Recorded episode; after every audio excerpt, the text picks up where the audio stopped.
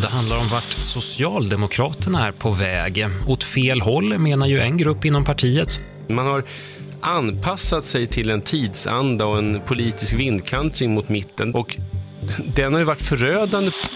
Stefan Löfven bröt upp blockpolitiken. Men är Socialdemokraterna på väg vänster eller högerut inför valet 2022? Socialdemokraterna har lämnat ett stort utrymme till vänster i svensk politik. På en kvart får du reda på hur coronapandemin har gett Anders Ygeman, Morgan Johansson och den interna föreningen Reformisterna hjälp på traven. Det är tisdag den 20 april och jag heter Annie Reuterskiöld. Här är dagens story från Svenska Dagbladet.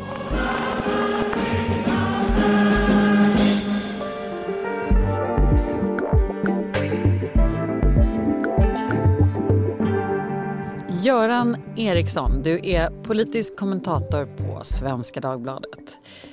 Varför är det intressant att diskutera om Socialdemokraterna går åt höger eller vänster just nu? Jag tycker det är intressant därför att vi just nu har gått igenom, eller går igenom, en kris av eh, historisk omfattning. Och det är klart att det är intressant att veta hur Sveriges största parti tänker sig att Sverige ska komma ur den här krisen. Men finns några tecken på att de skulle gå åt vänster? Det är ju så mycket snack om samarbetet med Centern framför allt. Eh, det finns tecken. Det kan man säga, möjligen säga att det är de vanliga tecknen som inte brukar leda till att de faktiskt blir någon vänstersväng. Men, men båda de tyngsta S-distrikten har antagit sin politik nu inför S-kongressen som ska hållas i höst. Och, och det är Stockholm och Skåne och båda de lutar tydligt åt vänster förslagen? För distrikten Stockholm och Skåne lutar ju alltid åt vänster. Distrikten lutar alltid åt vänster, så det är egentligen ingen nyhet att de gör det. Det som har hänt möjligen är att, att Stockholm har drivits lite, ytterligare lite till vänster den här gången till följd av att de Inom sig har de den här S-föreningen Reformisterna och de driver, en, driver en, ett arbete, metodiskt arbete för att få hela partiet att ta ett steg till vänster på kongressen. Just det, vi ska prata mer om dem för det är lite spännande. Men kan du bara ge några exempel på eh, ekonomisk politik eh, som föreslås här som, som, eh, som är eh, vänsterradikalt? Ja, ett förslag är att man vill höja inkomstskatten för de som tjänar mycket. Ett annat förslag är att införa en ny eh, fastighetsbeskattning. Ett tredje förslag är att avskaffa RUT-avdraget, alltså eh, avdraget för hushållsnära tjänster. Man vill höja kapitalskatterna och man vill sammantaget skruva upp det totala skatteuttaget, alltså höja skattekvoten.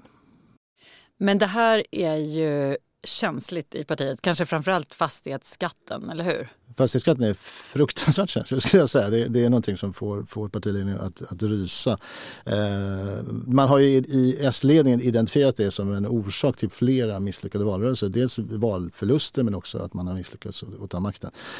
Eh, så det är Varför då? Man, därför att fastighetsskatten helt enkelt är en sån fråga som är väldigt lätt för motståndaren att angripa. Moderaterna har ju vid varje val drivit skräckkampanjer om att vi ska återinföra fastighetsskatten. Det är faktiskt lite tröttsamt att höra Moderaterna köra samma gamla skräckkampanj. Det är lite, eh, ja, det, det, är lite tröttsamt. Okej. Okay, eh... Men den här inre grupperingen då, Reformisterna, det är helt enkelt en S-förening i Stockholm. Men berätta mer om den. Det är en S-förening i Stockholm som har bildats då för att på nu samla vänsteropinionen i partiet. Att, att de ska få en, en egen plattform. Och de, de, jobbar väl lite grann som en tankesmedja kan man säga. De tar fram egna rapporter och egna förslag och har nu då utarbetat ett antal motioner inför kongressen som, som då har gått igenom en del i Stockholm och man, och man väntar nu på om det kommer att gå igenom fler runt om i landet. Det, det, det är det man hoppas på, så att, säga, att det ska få ett starkt stöd den här vänsterlinjen på kongressen. Och det är inte vem som helst som har startat det. Det är en person som väldigt många socialdemokrater älskar att hata, för det kanske är starkt, men älskar att irritera sig på, eller hur?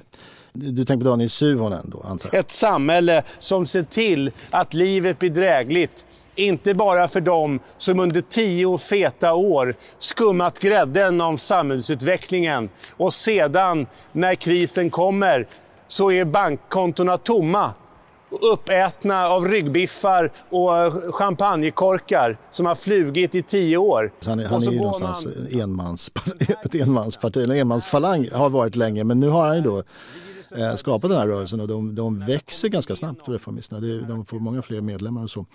Och det tror jag att det, om jag förstår rätt så har det också gjort att nu är Stockholms arbetarkommun som är ett, ett av de här då, distrikten som det har blivit det största av alla i Stockholm till följd av reformisternas tillväxt. Alltså. Och svassar i finansdepartementets korridorer efter krispaket och en stor och härlig varm stat som en minkpäls över kapitalägarnas groteskerier. Reformisterna har ungefär 5 500 betalande medlemmar det kanske inte låter så mycket men det är ändå i tider där man hela tiden tappar medlemmar nationellt eh, en växande grupp i partiet. Men hur stor möjlighet har de att påverka eh, skulle du säga? Alltså, mitt reflexmässiga svar är att de har inte en chans i helvete att påverka. Det baserar då på en viss empiri. Det är inte så att... Eh, eh, det har alltid, alltid funnits en vänsteropposition kan man säga inom socialdemokratin och de vinner i stort sett aldrig några substantiella segrar på S-kongresserna. Som jag härmed förklarar för öppnad. I början av november är det dags igen. Och i år är S-kongressen extra viktig. Besluten som tas nu ligger till grund för vilken politik partiet går till val på. Ombuden från de olika distrikten samlas och tar beslut om S-politikens inriktning. Det är den formella beskrivningen. Men det går också att beskriva som ett slag mellan partiets falanger. Inför årets kongress har alltså både Stockholm med ordförande Anders Ygeman och Skåne där Morgan Johansson finns med i styrelsen gått fram med en radikal vänsteragenda. Alla förnekar ju det, det finns inga falanger men det här, den här, de här två distrikten synliggör ju att det finns falanger och det finns till och med i regeringen därför att de två tyngsta distrikten som är då tydligt vänsterlutande har då ministrar i ledningen. Så det, det är klart att det, det, det finns ju den här konflikten. Det förvånar ju kanske många att eh, Morgan Johansson och Anders Ygeman är vänster. Det har ju de senaste åren ändå varit posterboys för hårda, tuffa tag. Ja, absolut. Jo, absolut. De, de, de... Berätta, vad har de för historia? Ja, men har, mycket av det här går ju tillbaka till SSU-tiden och SSU-strider som, som är de mest oförsonliga. Det är ju, som jag brukar säga en skola i brott i det närmaste, där de lär sig slåss och förinta sina motståndare. Och där var ju då både Ygeman och Johansson då hörde till vänstersidan och har, har ju, sen räknas man dit liksom, lite oavsett vad man gör i, i, i sin karriär.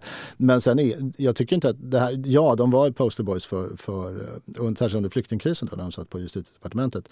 Men det är inte, i den mån de var höger där så är det, det är på den här eh, vad säger, kulturkrigsskalan eller på eh, i invandrarfrågan, vilket inte riktigt, det är inte samma sak som att vara höger hela vägen. Fördelningspolitiskt, den klassiska höger-vänsterskalan tror jag båda hela tiden har varit vänster.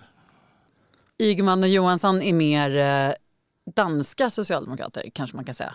Eh, det skulle man kunna säga, ja. De är eh, hårda i migrationspolitiken och krimpolitiken, eller relativt hårda i alla fall. Och eh, lutar åt vänster i fördelningspolitiken. Det, det, finns en sorts eh, rörelse här också som, som inom partiet ganska högt upp som tycker att den danska modellen är attraktiv. Och vi behandlar flyktingar och invandrare ordentligt, men var vi också ska följa med. Därför stramar vi asylreglerna och vi ställer fler krav. Men nu har alltså Reformisterna i alla fall lyckats få igenom stora delar av sin motion i Stockholm som Anders Ygeman leder. Ja. Men Reformisternas mål då? Vad är det? Är det kongressen nu 2021 att få igenom radikal ekonomisk politik? Det är väl det första målet. Sen så tror jag, de har väl inte heller så jättestora förhoppningar på att de kommer att lyckas vända den här kongressen. Därför de vet hur det går till och de vet att även om de vinner så skulle ledningen slänga in någon, någon tilläggsyrkande som säger att de hade fel. Eh, så de hoppas ju kunna dra det lite åt vänster. Men, men sen är det väl också så att de bidar sin tid. Alltså eh, någon gång, ganska snart så kommer väl Stefan Löfven att lämna sitt uppdrag. Så det, det, är väl lite grann med det perspektivet de jobbar också. Och, och, och det finns en ironi, det, på något vis, det är ganska roligt och det säger väl en del om hur jobbigt den svenska sossevänstern har det. Att Juholt kommer alltid igen. Den enda verkliga framgång som vänstern i socialdemokratin har haft är ju när de faktiskt valde Håkan Juholt till ordförande i partiet. Herr talman! Jag vill också hälsa Håkan Juholt välkommen i sin roll som partiordförande. Eh, och det jag har lyssnat av Håkan Juholt och följt med så kan man ju inte säga annat att det är en rejäl vänstersväng som du är på väg att ta. Nu vet ju alla hur det gick också. Det gick inte alls bra. Det var kanske ett av de värsta självmål man har sett någon politisk falang göra överhuvudtaget. Eh, men man väntar väl nu liksom på att, att det kommer en tid, det kommer en ny möjlighet, ett nytt skede då man skulle kunna få in en, en fungerande ledare som drar åt vänster. Och är, är den läxan då att den ledaren behöver en starkare rörelse bakom sig? Ja, men tror jag, det är väl i alla fall Suhonas tolkning. Han, han skrev en lång bok om varför det gick som det gick. Och tesen i den boken var väl ungefär att Juholt var politiskt så farlig, alltså den politik han stod för var så farlig så att högern i partiet var tvungen att liksom göra slut på honom. Och att han hade liksom ingen backup. Han hade liksom ingen, ingen, ingen organisation bakom sig. Och, där, och I den meningen så skulle reformisterna, om chansen skulle komma igen, skulle reformisterna kunna liksom finnas där som en organisation runt den här ledaren som väl också då skulle bli utsatt för knivhugg. Ja, antagligen. När Magdalena Andersson presenterade vårpropositionen förra veckan hade hon ingen plan för hur vi ska ta oss tillbaka till överskottsmålet.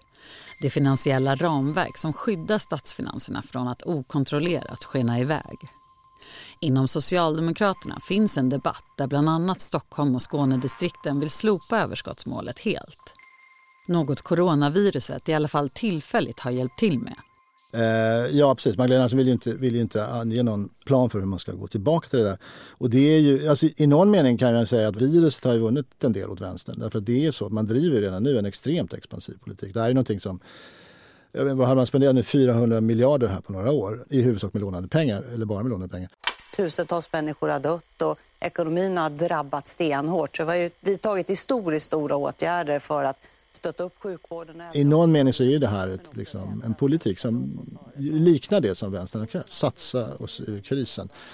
Någonstans. Och, och, frågan är väl, alltså, det är klart, så i den meningen kan man säga att de vill, för, det, nu handlar det lite grann om hur länge kommer de att hålla i det här? Hur länge kommer de att fortsätta att spendera pengar innan de ska gå tillbaka? Det är det som Magdalena Andersson inte vill svara på.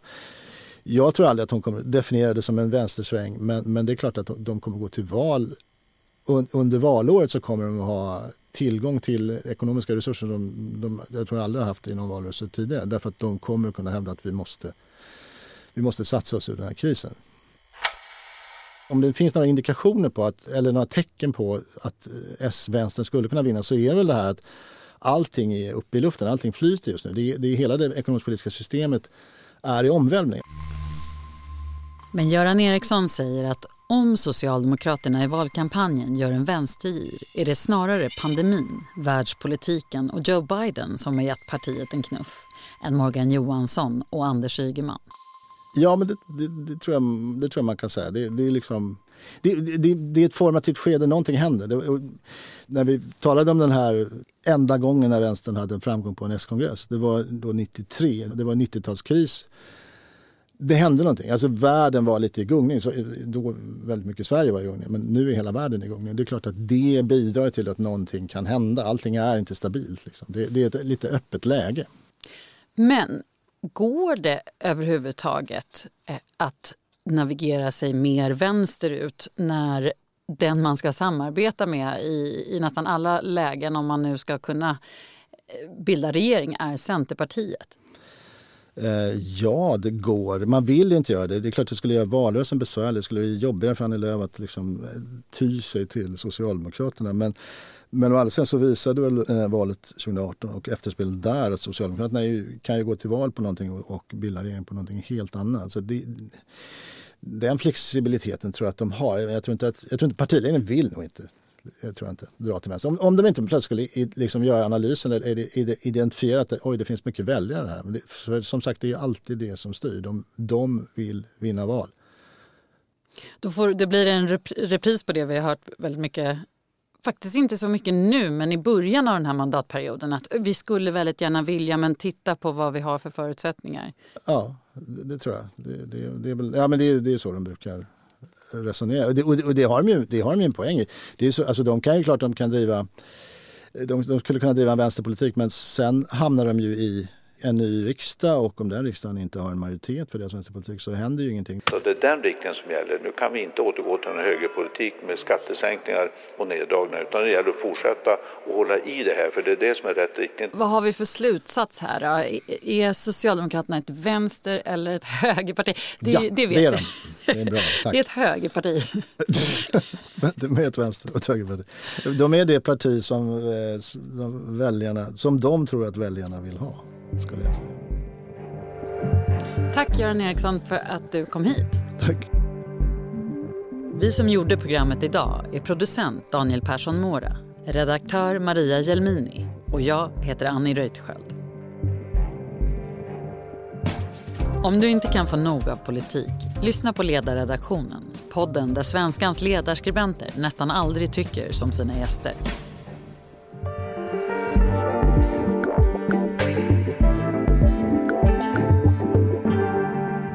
Ljudklippen idag är hämtade från Sveriges Radio, Sveriges Television, Aftonbladet och Reformisternas och Socialdemokraternas Youtube-kanaler. Dagens story från Svenska Dagbladet. Ett ämne, 15 minuter varje vardag.